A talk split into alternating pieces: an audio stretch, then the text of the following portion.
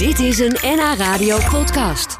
In deze aflevering van de Lunchroom podcast klapt de Amsterdamse KLM-purser Wilbert van Hanegem met toestemming uit de school over wat zijn collega's thuis aantrekken en doen in hun vrije tijd. Verder vertellen Annette van Ruitenburg en Lodewijk Dros over de geschiedenis van de Waddeneilanden en al het eten dat daar vandaan komt. Ze maakten er een mooi boek over. Lekker Wats, met een D dus, Wats. Maar we beginnen met het ongelofelijke verhaal van Ronald Boef uit Bovenkarspel. Hij is blind, maar kan ook heel goed golven. Zo goed dat hij binnen drie jaar de eerste Nederlandse blinde wereldkampioen golven hoopt te worden. Hij heeft een handicap van 20. En die andere handicap, die lijkt hem nauwelijks te beletten om voluit te gaan op onder andere de golfbaan. Ondanks dat hij er dus nog nooit eentje heeft kunnen zien. Ik ben totaal blind geworden, dus ik zie alleen maar zwart. Ja, ja, dus je ziet niet, want soms hoor je nog wel dat mensen dan nog een beetje licht vlekken zien of zo, maar dat is dus bij jou niet zo. Nee, ik zie Nee. dat helemaal niet. Nee. En, en hoe kwam jij dan in aanraking met de golfsport? Via een buurman, die zat naar de televisie te kijken en die zag daar golven voor blinden. En toen dacht hij, nou, wij weten wel iemand die daar geschikt voor is. En toen heb ik een rondleiding gehad op de golfbaan Westwoud. En boem, ik was verkocht. Ja? Ja, inderdaad. Ja, dacht je meteen, dit is wat voor mij? Ik dacht meteen, dit is eh, wel wat voor mij. Ja, en wat was dat dan? Wat, wat vond je daar leuk aan of, of bijzonder? Een enorme uitdaging lijkt me sowieso. Leuk. Het leuke van ik daar vond meteen dat gras. En ik vond het meteen wauw, dat lekker be- buiten bezig zijn in de natuur. Ja. ja, maar ik kan me ook voorstellen dat het wel lastig is. In het begin zeker, want je had het nog nooit gedaan. Hoe, hoe oud was je eigenlijk toen dit gebeurde? Ik was 17 jaar toen ik begon. Ja, En, eh, maar de eerste vier jaar was voor mij alleen maar leren om tegen het balletje aan te slaan. En omdat ik totaal blind geboren ben, kun je mij ook niks voordoen. Mhm. Dus, en toen heb ik later eerst mijn golfvaardigheidsbewijs gehaald en vervolgens mijn handicapdiploma. Ja, dat moet je hebben, want anders mag je helemaal die hele golfbaan natuurlijk niet op. Eh, maar hoe ging dat dan in het begin? Want je, je zei, ik moest eerst leren het balletje te slaan. Je, je ziet natuurlijk niet waar die bal ligt. Dus, Nee. dus hoe deed je dat dan? Dat, eh, dat wordt door iemand gedaan, mijn professional, eerste professional Pieter Eckerly. En die leerde mij golf op de klok, dus zes uur slaan. En dan mij vastpakken en me steeds langzaam mijn swingen op te bouwen. Ja, ja. Ja, dus dat kostte heel veel tijd. En in het begin sloeg je misschien vaker in de lucht dan tegen de bal. Ja, in het begin sloeg ik door de lucht en ik sloeg de bal 10 meter weg. Maar dan stond hij er al omheen te springen. Geweldig, geweldig. en mijn eh, vader zat erbij, die zat eh, in de spiegel te kijken. Die zei van nou, ik, vind er, heel- ik ben er helemaal niet eh, kapot van. Nee? Maar het ging hem juist om de motoriek. oh. Nee, dat is echt zo. Daar heeft hij wel gelijk in. U moet zich voorstellen, dan zit je daar op een kruk. Net als ik nu in de studio. En dan zit ik te kijken en dan denk ik, die man... Heb ik zo'n respect voor hoe hij dat dan doet met, Ja. met, met mijn kind. Ja. Maar dan slaat hij de bal acht meter en dan staat die man te springen. Ronald, dit is perfect. en dan kijk ik naar de televisie en dan slaan ze 350 meter. Begrijpt u? Dat Ja. was voor mij dan toch wel eventjes van... Hé hey Rijn, dit is Ja. toch wel eventjes een hele andere methodiek. Hè? Ja, ja. Waar je dan mee te maken krijgt. Zeker ja. En, en, en ook iets wat je, denk ik, als ouders van een kind dat blind geboren wordt, niet verwacht dat iemand dan gaat golfen, toch? Ik verklaarde de mensen voor gek. Ik werd eh, op een avond gebeld bij Studio Sport. Rijn, door die buurman, we willen wat met jouw eh, zoon gaan doen. Ja. En toen kreeg ik te horen wat, ik heb de haak erop gegooid. En kwartier, twintig minuten later, toen was Studio Sport afgelopen. En toen stonden ze voor de deur. Ja. En toen gingen ze een gesprek aan met Ronald.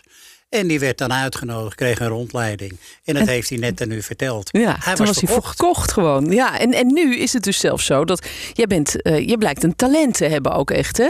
Ehm, je, je kan het heel goed. Wat is heel goed? Want ik, ik heb niet heel veel verstand van, eh, van golven. Ik heb la- wel laatst een proeflesje gedaan. En ik kan je vertellen, ik kwam ook niet heel veel verder dan 10 meter in het begin. Dus, nou, eh, troost u hoor, want eh, het lukt mij ook niet altijd. oh, gelukkig. Soms heb ik ook als de ene keer ga, kom ik met het gevoel de baan af van God gaat heerlijk, maar ik kom ook met een wel eens het gevoel van de baan af.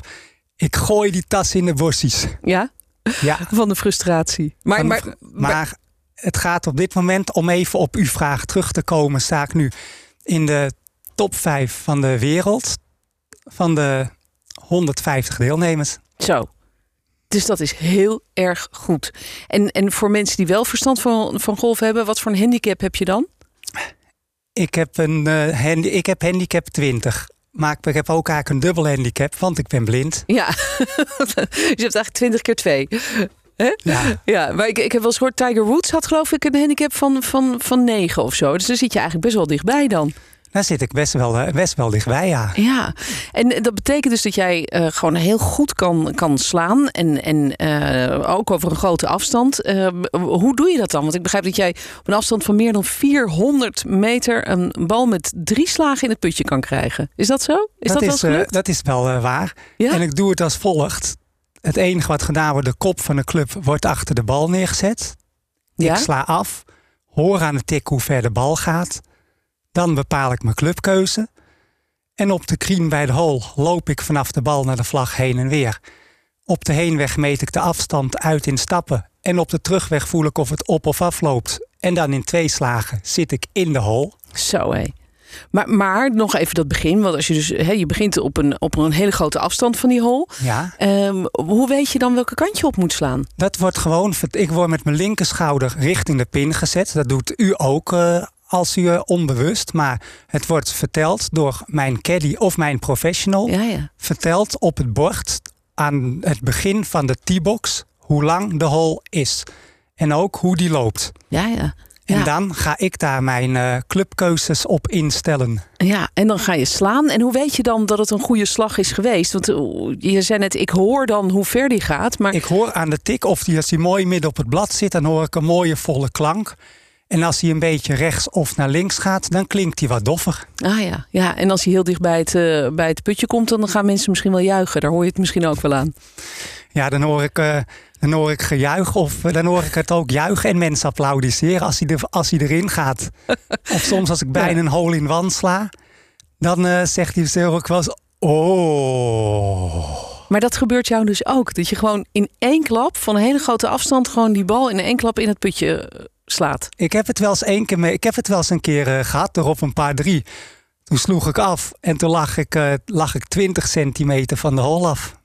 Jeetje, ongelooflijk. En, en jouw vader is er vaak bij, hè? Wat is, wat is zijn rol dan? Mijn vader is caddy. En uh, die, die zorgt ervoor, dus zet de club bij de bal neer. En die draagt mijn tas. Ja, en dit, dit zijn dus de, misschien ook de speciale regels die er zijn voor, voor blinde golfers. Dat, je, ehm. dat je dus uh, uh, wordt neergezet in de goede richting, zeg maar. Ja, en ik heb het enige bijvoorbeeld uh, uitzondering wat voor de andere regels geldt. Ik heb in de bunker, dat is het zand, ja. mag ik als enige de kop van de club gewoon grounden. Dus ik mag de kop van de club op het zand zetten. Ja, ja, dat mag normaal niet. Ja, ik, ik, ken die regels niet zo heel goed, maar dat is dus een verschil met, met golfers die niet blind zijn. Ja, dat je dan hem op een andere manier eruit mag slaan. Verschil. Nou, geweldig. Ja, we, we praten zo nog even verder. Want uh, je bent niet alleen aan het golven. Maar je doet ook nog andere dingen die je eigenlijk niet zou verwachten bij iemand die niet kan zien. Zoals bijvoorbeeld zeilen in je eentje op een boot. Ik vind het uh, ongelooflijk knap. Maar uh, we gaan zo horen hoe je dat doet. En ook hoe de plannen precies zijn om wereldkampioen te worden. Wat je daar allemaal voor moet doen en moet laten.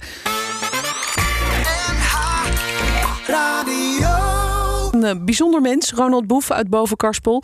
Hij heeft met golfen een handicap van 20, maar zijn tweede handicap heeft een grotere betekenis. Hij is namelijk totaal blind geboren. En uh, Ronald, je vertelde net al dat je echt niks ziet. Dus ook geen lichtvlekken of zo. Dus uh, je ziet echt niks. En dan is het een, helemaal een geweldige prestatie dat je op topniveau golft. En uh, in de top 5 staat, zei net. Toch? Inderdaad, ja. Van, van, de, van wereld. de wereld. En uh, dat is echt heel bijzonder. Uh, nou is het ook, we gaan het zo nog even daarover verder hebben. Want jij wil, uh, jij wil wereldkampioen worden. Um, maar je doet ook nog andere dingen.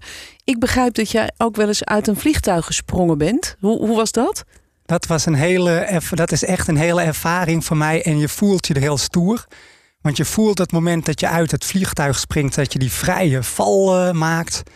En dan die stilte helemaal boven in de lucht. En daar word je zen van. Ja, kan ik me voorstellen, ja. Maar je bent er niet alleen uitgesprongen, je hebt ook een vliegtuig bestuurd. Inderdaad. Hoe kan dat nu weer? Nou, dat heb ik dus ook uh, door iemand die, die golft ook. En die, uh, die vloog ook zelf. En ik ben ook een paar keer mee geweest met uh, vliegen. En toen zei ik op een gegeven moment, hoorde ik allemaal dingen van... eh, is dit gecheckt? Zijn de radertjes goed? Klopt dit allemaal? En toen hebben ze dus met de KLM gebeld... of ik dan een keertje een eh, vliegles mocht eh, doen van anderhalf uur. En toen dacht ze, nou, dan mag die zeker enkel maar eh, in de lucht vliegen. Nee, je gaat vanaf de basis alles doen. Je gaat hem starten en je gaat vliegen... en je gaat ook landen en je gaat je keurig netjes afmelden. En zo geschieden. En dat zo heb je allemaal gebeurde gedaan. Ja, ongelooflijk joh. En, en, en daarnaast ben je ook een zeiler. En- Dat klopt. En doe je dat dan ook in je eentje op een zeilboot? Ik zeil ook eh, solo. Dan krijg ik een oortje in en dan vaart er een boot achter mij. En die vertelt mij dus bijvoorbeeld alleen als er een boot aankomt... stuurboord, bakboord aanhouden. En voor de rest op de wind houden. Neus, voel de wind op je neus. En op een gegeven moment zegt hij... nou is het wel eens een keer tijd om overstag te gaan. Ja, en dan doe je dat. Op, in vol vertrouwen natuurlijk. Ja. Dat degene die jou instrueert, dat hij het ook allemaal wel goed, eh, goed zegt. Maar Wij ik, die. Ja, maar ik, ik vind het heel knap dat je dat allemaal aanpakt. Er zijn natuurlijk ook mensen die, eh, die zullen denken... ja, maar eh, ik kan ook niks zien, dat, dat kan ik allemaal niet. Probeer je daar ook een beetje mee een soort voorbeeld te zijn voor mensen. Van joh, je kan misschien wel meer dan je denkt. Dat is mijn streven, dat ik een voorbeeld wil zijn voor ook andere gehandicapten. Dat je met doorzettingsvermogen, talent en een goede begeleiding heel ver kan komen. Ja. En nu wil je dus, eh, eh, je, je bent in training nu voor het eh, WK Golf voor blinde spelers. En je wil binnen nu een drie jaar wereldkampioen worden. Ben jij daar heel hard voor aan het trainen? Hoe, hoe ziet dat eruit? Ben je elke dag aan het, aan het slaan? Daar ben ik elke dag heel hard voor aan het, aan het trainen. Maar daarbuiten zit ik ook nog op de sportschool voor kracht, conditie en om sportblessures te voorkomen. Oh ja, dat hoort er natuurlijk wel bij je. Dat hoort erbij omdat de golfswing een eenzijdige beweging is. Ja. Dus je kan snel een, een ontsteking of iets krijgen aan, aan spieren of pezen. Eh, als je een dat verkeerde niet, beweging eh, maakt wel. ja, ja, ja, dus dat moet allemaal getraind worden. Ehm, eh, het eerstvolgende eh, project is dan het WK, geloof ik, in, In Zuid-Afrika. in Zuid-Afrika. Ja. Dus eh, nou, daar, daar werk je hard naartoe. Ehm, intussen is het zo dat, je, dat er ook nog een benefiet golftoernooi toernooi aan zit te komen, speciaal voor jou. Dat klopt. Want je hebt eigenlijk een sponsorgeld nodig, hè? omdat jouw sponsor... eh ja, Deen is ermee gestopt. Ja, omdat die zijn Dus toen hebben overgenomen. een paar mensen de hoofden bij elkaar gestoken. En dus zeiden, weet je wat, dan gaan we een hele grote golfdag organiseren. Waarvan de revenuen allemaal bij mij terechtkomen. En voor meer informatie wijs ik graag door naar Marit Kroesen. Marit Kroesen of naar... Op de golfbaan de Gooien. Ja, ik wou net zeggen, er is een website. Dat is eh, van de, de golfbaan waar dat allemaal gaat gebeuren. Op 4 oktober is dat, begrijp ik. 4 oktober inderdaad. En eh, als je dus daaraan bij wil dragen en mee wil doen... dan kun je dus een dagje gaan golfen. Met jou, hè Ronald? Ja. Ga je dan eh, samen met mensen, ga je dan instructies geven? Moeten ze dan een blinddoek om? Ik ga wel iets doen met. Ja, ik ga blind eh, putten kunnen ze tegen mij. En dan gaat ook eh, iemand eh, gaat ook blind afslaan. Dus dan moet ze blind, gaat er eentje gaat afslaan. En dan moet ze dicht mogelijk bij de green. En daar moet ze dan tegen mij putten. Oké, leuk. Leuke uitdaging. Ja, maar je kunt ook eh, iets met een diner doen en een Dat klopt. veiling. En eh, het, draait allemaal eigenlijk om jou en je speciale gaven, jouw, eh, jouw golftalent. En als je belangstelling hebt, kijk dan even op de website van die golfbaan. Dat is En koop www een tafel. en koop een tafel. www.gooier.nl Dat is G-O-Y-E-R. Dus gooier.nl Ik we- wens je heel veel, heel veel succes met alles wat je doet. En dank je wel voor je bijzondere verhaal, Ronald. Nou, en ik wens u ook eh, allemaal hartstikke bedankt dat, u dit, dat ik voor de uitnodiging. En heel veel plezier verder met het programma. Dankjewel. Ronald Boef hoorde je uit Bovenkarspel. KLM-purser Wilbert van Hanegem uit Amsterdam zat door corona natuurlijk lange tijd thuis. Hij maakte van de nood een deugd en schreef een boek met portretten van zijn collega's, getiteld Uit en Thuis. KLM'ers werkend en privé. Daarin staan foto's van KLM'ers in hun uniform en in de kleren die ze thuis graag dragen. Met daarbij ook een verhaaltje waarin ze worden voorgesteld. Wilbert kwam erover vertellen, maar eerst vroeg ik hem of hij eigenlijk zelf alweer helemaal aan het werk is. Ja, ja, ik ben weer veel aan het vliegen. Ehm, ik was dit weekend nog in Napels bijvoorbeeld. Of tenminste heen en weer gevlogen met volle kisten. Eh, vakantiegangers, Noord-Holland had natuurlijk vrij. En dat Ja? zat bij ons aan boord. Daar was ik erg blij mee. Ja, was Ja, het gezellig? Ja, was gezellig. Gezinnen, koppels, iedereen had er ook echt weer zin in. Eh, op Schiphol merkte je de drukte al. En nou ja, om een ander voorbeeld te geven. Morgen ga ik naar Bangkok. Heb je andere soorten reizigers. Ja, meer zakelijk misschien, Ja, ja, wel zakelijk. Ja. Het trekt aan. Om Ja. antwoord te geven op je vraag inderdaad. Ja, en hoe gaat dat, vliegen in coronatijd? Is het heel ingewikkeld voor jullie ook? Met, met... Ja, wij moeten net als passagiers natuurlijk aan heel veel eh, voorwaarden voldoen. Eh, vaak eh, zo'n test doen. Het wordt steeds minder, maar ook dat moeten we doen. Sommige vluchten zelfs in pak. Altijd een mondmasker. Net als de passagiers uiteraard. Maar hoe bedoel je in pak? In, in- Nou, sommige bestemmingen, ik weet ze niet precies, maar Seoul is er bijvoorbeeld één van. De lokale overheden eh, hebben weer andere restricties. En dan krijgen we echt zo'n wit schort, een bijna zo'n operatieschort voor. Oh. En zo'n eh, shield, zo'n face shield. Nou, die vlucht heb ik zelf niet gedaan. nee. Ik hoor van mijn collega's dat het een beetje warm is. Ja, vooral. dat lijkt me ook. Ja, Ja, heel dus, eh, oncomfortabel eigenlijk. Ja, Ja, maar het is Maar- roeien met de riemen die we hebben. Ja, en en, en we is gaan en, en we zijn blij dat we kunnen vliegen. Vliegen KLM weer bijna alle bestemmingen, geloof ik. Dus eh, daar zijn we erg blij mee. Ja, en, en is het ook nog een ingewikkeld gedoe, eh, behalve dat je voor sommige bestemmingen dan zo'n pak moet hebben, maar met, het, met mensen die meevliegen, die, die, ja, die, die ook even moeten wennen aan alles en dat ze mondkapjes op moeten. Ik kan me voorstellen het, dat we het is extra... ook vervelend. Ja, daar hebben we alle begrip voor. En, en eh, in, in mijn omroep als beurzen zeg ik het ook. Zelfs als je volledig gevaccineerd bent. Ja, helaas, dat masker. Ja, we- we- alles gaat meer open. Nou, dat Ja. hebben we ook gezien natuurlijk. Ook de consequenties landelijk. We zitten er nog middenin. Ja. En op Schiphol, in het openbaar vervoer... en dus ook inderdaad in een vliegtuig... moet je dat masker nog even op. Eh, is vervelend. Maar we zien gelukkig wel een glimlach achter dat masker. Eh, want mensen willen gewoon op Ja, reis. de mensen willen op vakantie, hè? Ja. ja. Goed, nou, je- je, bent dus weer eh, op pad. Je bent weer aan het werken, aan het vliegen. Eh, maar het afgelopen jaar ja, was je heel veel thuis. Ja. En, en ben je dat boek gaan maken. Hoe ontstond dat eigenlijk? Ja, dat is wel een leuk project waar een collega van mij, Nathalie, mee begonnen was. Zij fotografeerde mensen, had een oproep geplaatst, intern Facebookpagina. En er werd heel enthousiast op gereageerd. En ze zei, joh, we zitten allemaal thuis. Daar doen we allemaal dingen. Sporten, eh, hobby's, Ja. eh, ondernemerschap. Misschien kijken we uit naar een volgende baan. Want er was natuurlijk ook wel baanonzekerheid, zoals overal, ook bij KLM. Mensen gingen inderdaad eerder met pensioen bijvoorbeeld. Of zich laten omscholen? Of zich laten omscholen, onderwijs, Ja. zorg of naar een baan van vroeger. En eh, ze plaatsen die oproep, veel enthousiasme. En zegt, dan doen we die privéfoto en een uit, oftewel KLM-foto. In vol in één, in een tweeluik. Ja. Ik was nummer 7 en de eerste man die eh, mij opgaf. Mij leek dat ook een heel erg leuk idee. En ze fotografeerde mij en zij kende mijn verhaal eigenlijk van de schipbreuk. Je zei het net al, van eh, zeven jaar geleden. Ehm, en dat boek had ze in de kast staan. En ze zei, ja, ik ken jou. En we kenden elkaar eigenlijk persoonlijk niet. We hadden nog nooit gevlogen. En eh, dat klikte en we besloten... hey, hier zit wat in. Jij fotografeert, ik schrijf. Laten we een boek maken. Ja, En dat ja. is nu uit en thuis geworden. Ja, een heel mooi boek met dus allemaal portretten. Zowel een foto als een stukje over eh, allemaal collega's eh, van jou. Ja. En, en dat boek eh, waar je het net over had, waarvoor je al eens eerder bij ons bent geweest, Schipbreuk in het Paradijs heet het. Ja, dat heeft denk ik heel veel impact gehad, want dat was natuurlijk een heel heftig verhaal. Eh, misschien kun je nog even heel kort vertellen wat er was gebeurd. Ja, dat was in augustus 2014 maakte ik met mijn vriendin een, een reis als toerist door Indonesië. Vierdaagse boottrip naar Komodo-eiland. Eh, en midden in de nacht begon de boot te zinken. Ja. Lang verhaal kort, we hebben 40 uur moeten zwemmen, watertrappelen, peddelen in een vierpersoons sloepje. Maar we waren met 25 personen. En helaas heeft ook niet iedereen het overleefd. Nee. Maar ja, de link met KLM. Wij zijn natuurlijk heel erg getraind in de luchtvaart. Ik vloog op dat moment ook al eh, heel lang. Ehm, de kapitein en de manning waren dat helaas niet. Niet getraind, niet geschoold. Deden hun best, maar met de weinige middelen. En ik heb de leiding over kunnen nemen. En met anderen, met de, de toeristen. Ja. Dat, eh, Maar je hebt echt jouw ervaring als, als, als purser, als eh, KLM-medewerker, heb Ja. je kunnen gebruiken eigenlijk om, om, die te leiding te nemen en, en Ja. te overleven met een hele grote En groep. anderen te helpen overleven. Ja, het is en, eh, inmiddels al in zee dacht ik, nou, dit is zo'n bizar verhaal. Dit moet opgeschreven worden. Ik had alleen geen pen en papier of laptop bij me. Nee, maar- dacht je dat serieus toen al? Serieus? En, en toen we net gered waren, dacht ik ook... ja, nou moet ik maar mijn woord houden. Want ik had altijd al een droom. Ik was al schrijver voor bedrijfscommunicatie, bijvoorbeeld voor KLM. Eh, ik had al boeken, reisboeken meegeschreven. En ik had altijd al, zoals elke schrijver, een droom, je eigen boek. En in serieus in zee dacht ik...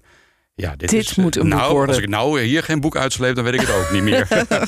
En zo geschieden. En dat, zo geschieden. dat boek dat is er eh, al een paar jaar. Je hebt er toen al heel uitgebreid over verteld bij ons. Maar ik vroeg me wel af toen je weer kwam. Dacht ik, zou dit iets zijn wat nog steeds wel eens in jouw hoofd zit? Dat je s'nachts wakker wordt en denkt dat je weer daar in zee dobbert. En, en aan het denken bent, hoe komen we hier levend uit? Ja, het komt zeker nog wel eens voor. Het is meer dat ik ermee bezig ben omdat ik ook lezingen geef nu, bijvoorbeeld op scholen.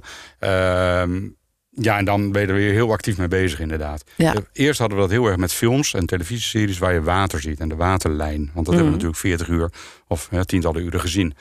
Af en toe komt zo'n gevoel nog boven. Ja, ja, maar in positieve zin, eh, want ik weet ja, uiteraard hoe het is afgelopen, in ieder geval bij mezelf. En eh, ja, het positieve draai eraan geven, dat is wel eh, wat het motto is. Ja, zeker ja. En, en nu heb je eigenlijk aan die lockdown dus ook weer een positieve draai gegeven. Want je hebt dat mooie boek gemaakt. Eh, allemaal collega's van jou staan erin. Kenden die allemaal dat verhaal ook van jou? Van die schipbreuken en, en het boek dat je... wel. Ja? Ja, als ze dachten, ah, wacht even, je achternaam naar Van Hanegem, dat blijft ook wel een beetje hangen natuurlijk. Oh Eh, ja. Maar ben je familie eigenlijk? Nee, hele Nee? ver. hè. Oh, Mijn eh, schrijf ik met een H ertussen. Ik hoorde net het nieuws over Feyenoord en, en, en Amsterdam natuurlijk Ja. en Ajax. Dus nee, Ja. nee, geen, geen, geen, eh, Geen familie. geen grote verhalen daar. nee, Van Hanegem. En... ehm, maar eh, nee, inderdaad, eh, een hele hoop kenden het verhaal. Of op de achtergrond, want dat was alweer een paar jaar geleden. Ja, En toen legde ze wel de link, ah, jij bent het wel. Dus je hebt het ja, misschien ben- nog een paar keer weer moeten vertellen nu de afgelopen ja, ja, dat, dat- tijd. eigenlijk elke vlucht wel weer, van vertel eens. en nu kan ik dan zeggen, nou lees een boek maar. Ja, goed. Nou, straks praten we verder over je nieuwe boek. Uit en thuis, zo heet het. KLM'ers, werkend en privé. Want er staan dus... eh jij hebt de verhalen geschreven van jouw eh, collega's. En de foto's die erbij staan... eh, daarin zien we dus eh, een- medewerker helemaal in vol KLM-ornaat. In het, eh, in het uniform, zeg maar.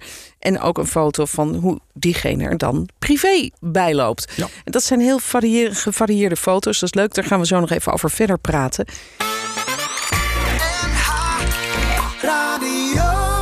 En eigenlijk, eh, ja, eigenlijk van allerlei soorten mensen. Hè? Van Ja. piloot tot grondstewardess tot... Stewardess, eh, technici, de incheck dame. Iedereen die je tegenkomt als je een vlucht maakt. ja, Of waar je mee te maken kan krijgen als passagier. Die staan in het boek. ja. Ja. en wat wilde jij vooral laten zien met die verhalen die je over ze geschreven hebt? En dan die foto's erbij. Ehm, ja, die verhalen eigenlijk het, het, het verrassende. En tegelijk ook weer het herkenbare. We maken allemaal al- van alles mee. We zaten natuurlijk in de lockdown. Ehm, of het nou is eh, positiviteit, want je gaat een heel ander beroep kiezen. Je moet op latere leeftijd studeren. Eh, het persoonlijke. Maar we worden ook KLM'ers. Ik zeg altijd, we zijn net mensen. Het is een groot bedrijf. Een dwarsdoorsnede van de maatschappij natuurlijk. Ehm, iedereen wordt ook geraakt door verdriet. Ja, Of nou die baanonzekerheid is, of, of misschien gezondheid van jezelf, van een ander. En die verhalen staan er ook in. Net wat diepgaander. Andere, eh, een heel vrolijk verhaal. ja sport. zeker. Wie zijn die mensen waar je als passagier, hè, iedereen gaat nu weer vliegen, nou mee te maken krijgt? Wie is die piloot? Wat Ja, is dat en achter wat de is schermen? zijn de of haar hobby? blauwe uniform. Ja, want dat blauwe uniform kennen we allemaal. Of we denken het te kennen. Ja. En dat wil ik met het boek laten zien, met die verhalen. Ja, en dan zie je dat het inderdaad heel divers is wat mensen doen in hun vrije tijd. Eh, de een eh, schildert prachtige portretten, de ander maakt eh, Victoriaanse kleding. De, weer een andere is brandweerman. Het, het is echt van alles en nog wat. En ik kan me ook wel voorstellen dat, dat sommige mensen misschien wel even getwijfeld hebben van ja, als ik straks weer ga vliegen en iedereen weet dat ik, eh, weet ik veel wat, in mijn vrije tijd, eh, nou noem eens Nou, wat. jurken eh, maken. de jurken jurk maken. van? Ja, bijvoorbeeld. Ja. Maar is dat zo? Ben je mensen tegengekomen die zoiets hadden van ja, ik weet het Ja, niet. of, eh, of niet in een boek. Of, of niet. Ja. Sommige verhalen zijn ook heel persoonlijk. En dat, dat is heel dierbaar dat mensen dat durven te vertellen. Ja. Niet alleen op de foto, maar vooral in een verhaal. Ja, ja, naar die passagier. Nou, je zal niet meteen mensen gelijk herkennen. Het kan natuurlijk. Maar ook onderling, collega's. We zijn Ja. natuurlijk met tienduizenden mensen. Ja, eh, misschien word je... Ja, ik word altijd herkend als eh, die bekende schipbreukeling of zo. Ik ben een BS'er, zoiets. of een bekende KLM'er. Maar inderdaad, het zou zomaar kunnen dat mensen worden herkend. En ja, een enkeling zei van, nou, dan maar even liever niet. Dan maar liever Nee, niet. nee, dat kan nee. me ook goed voorstellen. Ja, maar deze mensen hebben allemaal volmondig ja gezegd. Die zeiden wauw en in een mooi boek. Ja. En dan ook nog als een klein plaatje op de voorkant. Een soort cover model. Ja. Ja. Ja, leuk. En eh, welk verhaal heeft dan vooral veel indruk op jou gemaakt? Wat, wat... Ja, eigenlijk eentje van bijvoorbeeld van een piloot. Die heb ik hier voor me liggen, van Vincent. En hij is, je noemt al, een brandweerman. Hij is co-piloot op, op eh, lange vluchten. En hij is brandweerman. Nou, dat zijn al twee droomberoepen. En dat zegt hij ook. Ik voel me bevoorrecht. Ja, Elk kind, jongen of meisje, wil natuurlijk piloot en brandweerman worden, zegt hij. En dat zijn, geldt voor velen. Maar, en het mooie is, hij benadrukt, maar ik ben gewoon Vincent. Want ik ben eigenlijk dat voetballende jochie van vroeger. Nou, actueel nu natuurlijk met de EK net afgelopen. En dan noemt hij bijvoorbeeld dat hij in Ghana rondloopt, in zo'n dorp. En dan wil hij contact maken. En jongetjes voetballen en kijken hem aan van, ja, wie ben jij dan? Totdat hij gaat hoog houden en laat zien dat hij wel een beetje een balletje kan schoppen. en hij zegt, en dat is de kern, het, het gewone ongewoon. Want ik sta ook een brand te blussen of mensen te redden. Ik land ook een vliegtuig. Maar dat voetballende jochie, daar ben ik ook altijd gebleven. Nou, Ah, dat is de kern eigenlijk, dat mooie. En verrassend en herkenbaar. Ja. En dat geldt eigenlijk voor heel veel verhalen. Maar zijn Ja. verhaal springt er wel uit. Ja, heel stoer verhaal eigenlijk, maar toch ook heel, eh, heel, persoonlijk. Ja, ja, ja. inderdaad. Eh, er staat ook een, eh, een verhaal in van een kleindochter van een medeoprichter van KLM. En dat Ja, is dan Gwen. niet Plesman, want dat is natuurlijk de bekendste naam. Die kennen we inderdaad, Plesman. Eh, nee, dit is eh, Gwen Foult. En Edgar Foult, haar opa, eh, is een van de medeoprichters, bankier van vroeger. En die hebben nou, KLM in het zadel geholpen. En eigenlijk tot een paar jaar terug was ze daar zelf helemaal niet mee bezig. Natuurlijk wist ze het. Maar ze werd er niet op aangesproken. Zij werd juist niet herkend. En zelfs de naam Foult, F-U-L-D, is niet zo bekend. Nee, inderdaad. zeker niet. Plesman bijvoorbeeld. Eh, totdat ze bijvoorbeeld door KLM wordt benaderd, omdat KLM in 1919, of 2019 100 jaar bestond, in 1919 opgericht. Daar weer bij betrokken werd en zei: Dat doet toch wel wat met me. Nou, Ja. toen hadden wij ook nog dit, dit contact en ik kende haar. En we- wij zijn ook samen eh, naar de set geweest van Vliegende Hollanders, die serie gemaakt is. Daar heeft ze ook gekeken. Dus voor haar werd haar rol, die achter, op de achtergrond ligt, ook in dit boek, werd in één keer naar voren gehaald. En dat, ja. ja, vindt zij ook heel fijn. Ja, toch wel mooi. Zeg. ja Zo tientallen jaren Zet een bijzondere opa, toch? Ja, een bijzondere opa. Tientallen jaren eigenlijk geen, geen aandacht aan besteed. Ze vliegt Ja. meer dan 40 jaar. En eh, nu in één keer wel. Ja, dat soort mooie verhalen lezen wij allemaal terug in het boek. Ook over relaties die ontstaan zijn. Dat gebeurt Ja. natuurlijk op iedere werkvloer. Maar ik kan me voorstellen helemaal als je... Piloot en stewardess. Ja, en dan toch? probeer je toch die twist net even iets anders in te zetten in het Oh. verhaal. Ja. Oh, Bijvoorbeeld een oude koppel die, die allebei ontmoeten ze elkaar tientallen jaren geleden in Alaska. Mooie reis. Nou, de romantiek spat er vanaf. En toch elk daarna een eigen leven. En na tientallen jaren kom je elkaar weer tegen. En dan is het wel aan, om het zo maar even te noemen. oh dat vind ik echt. wel mooi. En dat is inderdaad toch klassiek. Stewardess, piloot, maar met een twist. Ja, niet helemaal het cliché zoals we dat kennen. Nee. Goed, nou, allemaal eh, mooie verhalen staan er in het boek. Eh, ook van mensen die ermee stoppen, die aan het eh, omscholen zijn. Bijvoorbeeld iemand die doktersassistente wil worden. Ja. Is het voor die mensen, omdat, omdat het ook zo onzeker is geworden natuurlijk, de, hun hele positie bij KLM en hoe dat verder gaat lopen in de toekomst met, Ja. met vliegen. Ehm, is het voor die mensen ook een soort laatste kans om nog even ja, zichzelf in Shinen. dat uniform ja, te shinen Ja, zeker. Dat hebben we ja. veel gehoord hoor. Eh, eh, zowel foto als in, in, in tekst inderdaad. Dat was een kans. Of van moeder en dochter. Van nou, dan sta Oh, ik ja. met mijn vliegende dochter eh, eh, op de foto. Uh, ja, zeker. Naar de zorg, naar onderwijs. Uh, daar werd ook wel een traan gelaten. Ook Oh. aan de telefoon, ook in de interviews. Zeker. Ja, ja. Ja, zo van inderdaad een afscheid. Wilbert van Hanegem hoorde je over zijn boek Uit en Thuis KLM'ers werkend en privé. Of je nou wel of niet op reis gaat, met het boek Lekker Wat krijg je het vakantiegevoel goed te pakken. Het boek beschrijft de cultuur en de geschiedenis van de Waddeneilanden aan de hand van persoonlijke verhalen en lekkere recepten van vroeger en nu, zoals beulinggort, kissenbillen en warme chattel. De verhalen zijn geschreven door Lodewijk de Gos. De recepten zijn samengesteld door Annette van Ruitenburg. En Annette is van oorsprong geen Tesselse, maar ze woont er wel. En Lodewijks voorouders die komen juist allemaal wel van Tessel, maar hij woont er dan weer niet. Wonen doe ik er niet, maar het hart ligt daar. Ja, want je bent echt van oudsher. Kom je, je komt echt uit een oud Tessels geslacht. Tot in de late middeleeuwen gaan de geslachtslijnen terug. Ja, ja. Ik Serieus? ben, eh, ja, ik ben zeer inteeltig. Ja, Ja, de naam Dros is ook wel echt heel Tessels, toch? ja klopt. Ja. Er, er wonen al heel veel eeuwen drossen daar. Dus, eh, ja. Ja. En Annette, jij bent dus, begrijp ik, geen oorspronkelijke Tesselaar, maar jij woont daar wel? Ik woon er eh, 26 jaar. Oh, dan ben je toch wel een Ja. beetje een Tesselse. Ik ben zelfs, toch? mijn dochter is vandaag jarig. En eh, twee weken voordat ik ging bevallen, hebben we het huis op Texel gekocht. Dus toen ben ik nog even in, de, in Amsterdam gebleven. En daarna met de bubs eh, naar Texel verhuisd. Oh ja. Dus eh, ja, zij voelden zich in ieder geval ook Tesselaren. Althans, eh, in die periode. Maar eh, Ja. 26 jaar is natuurlijk al een hele, hele tijd. ja, dus je voelt je wel Tesselse. Toch, kan ik me zo voorstellen. Niemand kent de smaak van Tessel beter dan Annette. Nee, dat, dat blijkt ook uit het boek. En dat, dat boek dat gaat niet alleen over Texel. Want dit gaat echt over ja, het hele Waddengebied. Ja. Dat begint dan wel bij Texel. Maar dat Bij loopt Wieringen. door tot... Of bij Wieringen. Maar dat loopt nog door tot helemaal in Duitsland natuurlijk. En, eh, En verder, ja, dus je gaat naar verder eh, naar Duitsland. Dan ga je zo naar het noorden toe. En dan zit je in Denemarken. Faarneu is het laatste eiland daar. Het zijn er 50 eilanden. En die lijken eigenlijk culinair gezien allemaal op elkaar. Ja, Oh ja? Lodewijk niet alleen de eilanden, ook het vasteland. Hè? Dus Ja, de, de Wadden, de zeg maar de Noord-Hollandse Wadden. Zoals we dat ook kunnen noemen rondom Wieringen. Maar ook de Friese Wadden en de Groningse Wad. Dus daar zie je ook de, de overeenkomst in de, de Waddenkeuken. in Noord-Friesland. Noord-Groningen, dat lijkt allemaal op elkaar. Ja, dus jullie hebben echt een soort culinaire link weten te, te ontdekken eigenlijk tussen al die gebieden rondom de Waddenzee helemaal tot aan. Denemarken aan toe. Ja, daar hebben we dus het woord wat voor bedacht. Ja, een heerlijk woord. Eh, je noemde net al Wieringen, dat, dat komt ook voor in het boek. Waarom wilden jullie die er ook bijvoorbeeld bij hebben? Want Wieringen is nu natuurlijk geen Waddeneiland.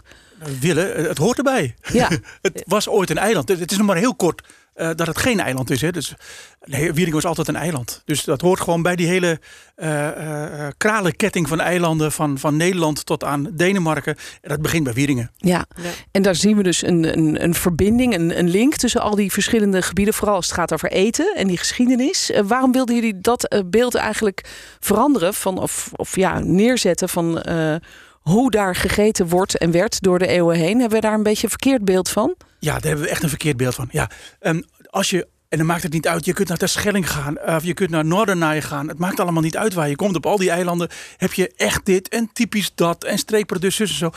Maar als je dan gaat kijken, en dan vraag ik me af. Mijn Dros of mijn opa Bremer, aten die dat? En dan denk ik altijd, nee, nee, dat deden ze niet. Nee, want bijvoorbeeld als ik denk aan Texel, dan denk ik aan lamsvlees, ja cranberries. al. En misschien eh, van die eh, duin, eh, duindoorn eh, jam of gelei. Besjes, ja. Toch? Ja, nou, dat, dat lamsvlees is een mooi voorbeeld. Dat geldt trouwens ook weer niet alleen daar, maar ook op de Schelling hoorde ik. Lamsvlees, ja, dat verkochten ze wel. Ze fokten daar schapen, Ja. net als op Texel. Maar ik zette de bek niet op. En dat deden ze allemaal niet. Het klinkt wat grof, maar zo is het.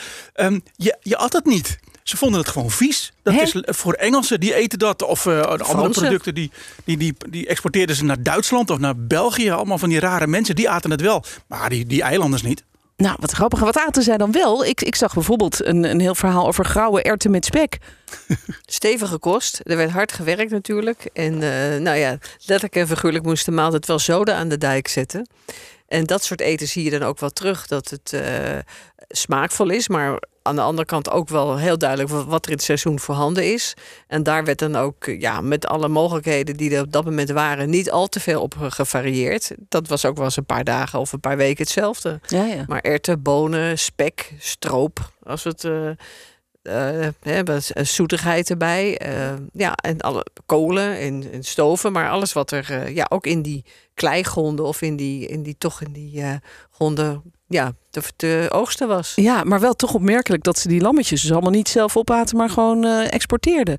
Hoe, hoe zijn jullie eigenlijk er allemaal achter gekomen? Is dat niet een enorm onderzoek geweest eh, in Ja, de, dat- dat de van lam- archieven? Ja, dat van die lammetjes, dat wist ik uit mijn eigen familie wel. Want thuis Ja, hadden we wel ja. schapen, maar we aten nooit lamsvlees. Dus dat was op zich al gek. Ehm, maar goed, er is natuurlijk wel iets hier geschreven daar. Ik heb heel veel uit kinderboeken gehaald. Eh, grote mensen e- schrijven niet over eten, dat is iets achterlijks, kennelijk. Eh, en ja, dat, dat doe je er niet als je een serieus boek maakt. Maar kinderdagboeken en eh, kinderromans, die- er zijn er een paar van geschreven. Daar staat prachtig in wat die kinderen verrukkelijk vonden, zo rond eh, 1850, 1900 zal ik maar zeggen. Dus daar heb ik heel veel uitgehaald. En dan kun je gaan zoeken en verder gaan zoeken. En eh, uiteindelijk kun je ook bij oude mensen nog wel hier en daar wat herinneringen ophalen. Ja. Maar het is al zo lang geleden dat er niet zo heel veel mensen meer zijn die daar herinneringen aan hebben. Nee, maar misschien mensen die nu oud zijn en die nog weten wat hun opa en oma aten. Zeker. Dan zit je natuurlijk al wel weer een beetje aan het einde van de 19e eeuw.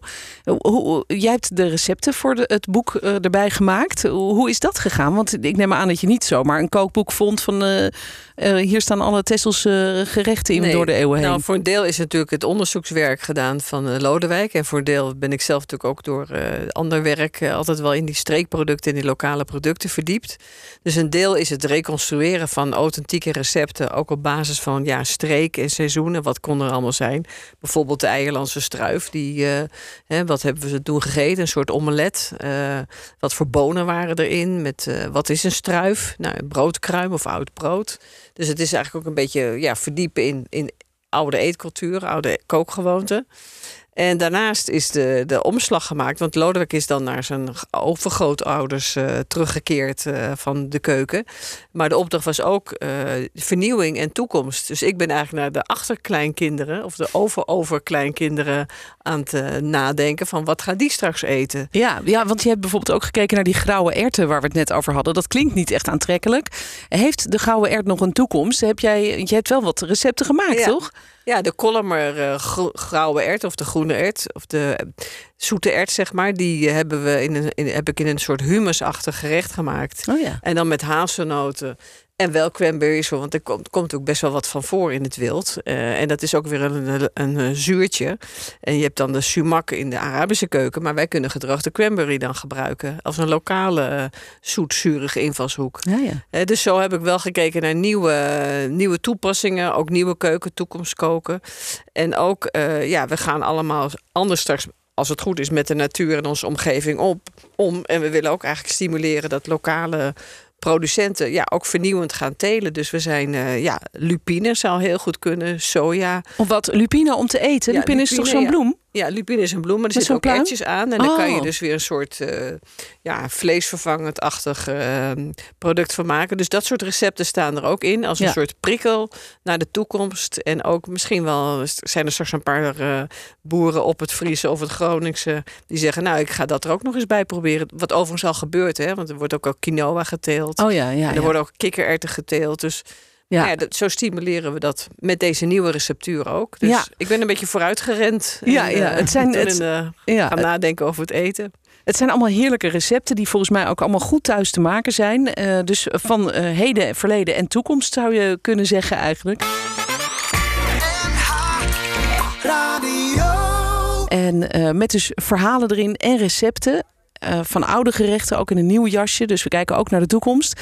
En eh, Lodewijk, jij hebt een, eh, een heel stuk geschreven. Er staan heel veel bijzondere verhalen in. Maar er staat er ook iets in over gerechten als zakmeel en lapskous.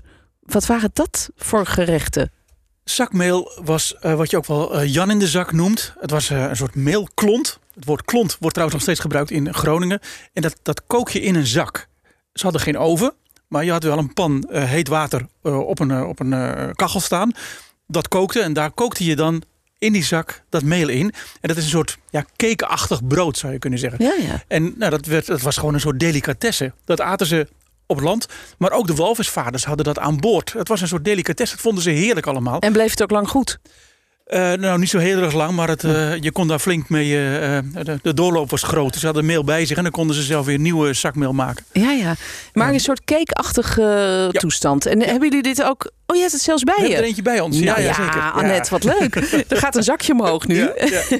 en, en daar zit het in. Dus dan zullen we dat misschien straks eens even proeven hier. Of, Die heb jij zelf gemaakt? Ja, met Ja. cranberries en duindoorn en heel veel appel. En eh, er zit een eitje in. En eh, er zit geen boter in. Maar deden zij dat ook in der tijd? Dat ze dus een eitje en iets en dingetjes Nou, erdoor beetje gooiden? Kijk, als mensen eh, heel erg arm waren, en dat waren heel veel mensen, dan zat er alleen wat boekweit in en, en water. En als je geluk had een, een eitje, ehm, als je wat meer te besteden had, dan gingen de zuidvruchten in. Krenten, rozijnen, hè, wat, wat Ja. net nu heeft gemaakt. Dat een is een luxe beetje de versie. luxe variant. Ja, ja, wat grappig. Nou, we, we zullen het zo eventjes eh, proeven. Ik ben er wel heel benieuwd naar.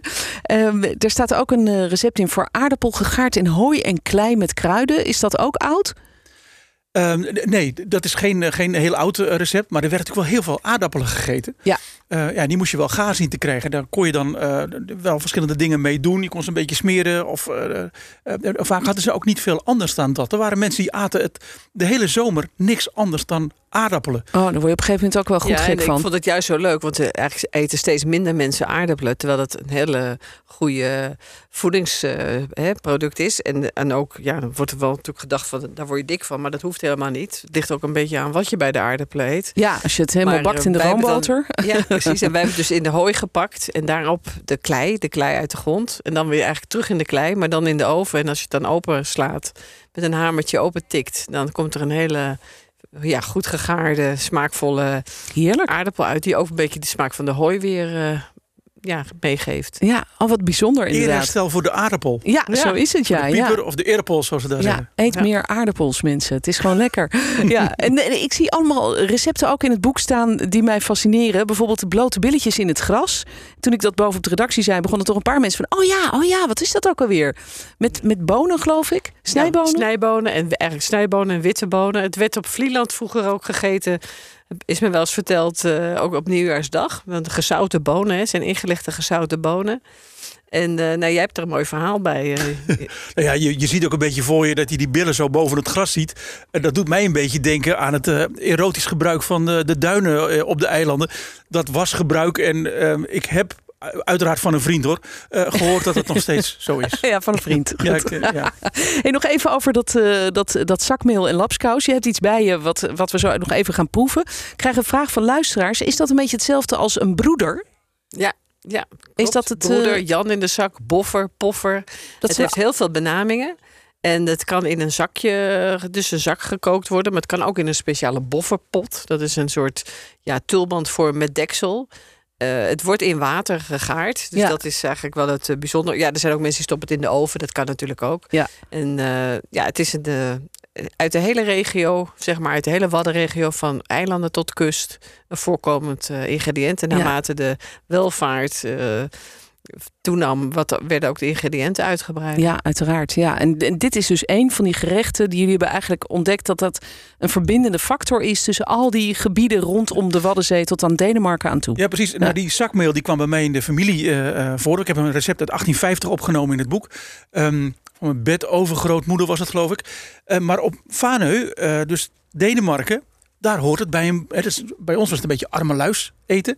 Maar op Vaneu geen bruiloft zonder zakkoek. Ja. Precies hetzelfde gerecht. En Ja. daar eh, ja, is het echt iets geweldigs. Een bruiloft. Dan heb je zakkoek. Ja, Het heet geweldig ook mooi. zakkoek daar trouwens. Oh ja. Want ze hebben het weer geïmporteerd uit Nederland. De walvisvaders en de VOC, de WEC, die hadden eh, jongens uit Denemarken aan boord. Ja, daar leer je koken. Ja, En in de namen toekomst ze de het zou mee. best kunnen zijn dat, dat er over een tijdje in een, eh, in een waddenrestaurant, hè, of het nou de kust is of de eilanden is, dat op het dessert bijvoorbeeld weer de zakkoek in Ja. hersteld wordt. Dat maar zou dan mooi met een moderne variant erin. Maar het is natuurlijk gewoon een heel lekker, eh, Nou, lekker iets om te- Heerlijk. te eten. je hoorde Annette van Ruitenburg en Lodewijk Dros. En ze maakten met z'n tweeën een heerlijk boek over de Wadden. Lekker Wads heet het. Met veel geschiedenis en ook veel heerlijke recepten. Dat was het voor deze week. Dankjewel voor het luisteren en eh, graag tot de volgende keer. Dit was een NH Radio podcast. Voor meer, ga naar nhradio.nl. Radio.